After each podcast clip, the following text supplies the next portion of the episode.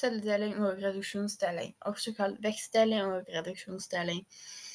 Eh, vekstdeling det kan også være kalt mitose, som er når prosessen når en vanlig celle deler seg i identiske kopier av cellen.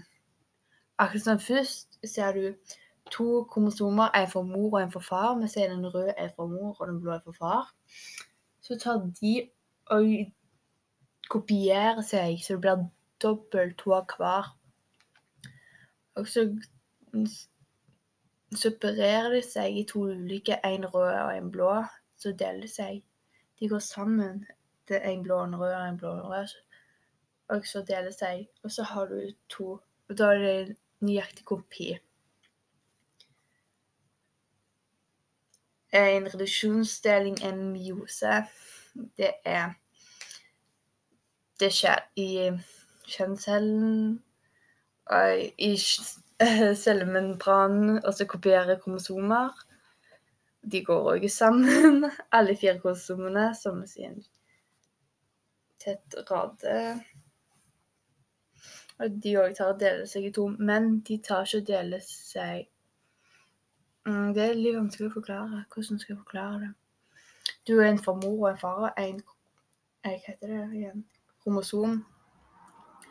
Og så tar det og De tar og kopierer det, men så går de i sammen. Det blir to røde og to blå.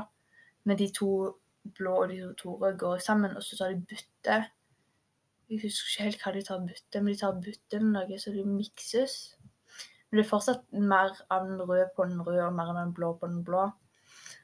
Og så tar de deler seg, så når de to røde deler seg med hverandre, og de to blå med hverandre, så er det litt rød i den blå og litt eh, blå i den røde.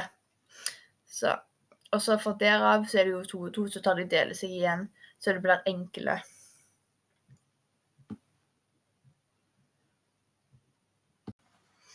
Og når de går sammen, når de fire kromosomene går sammen, de to blå og to røde, så kalles det overkrysning.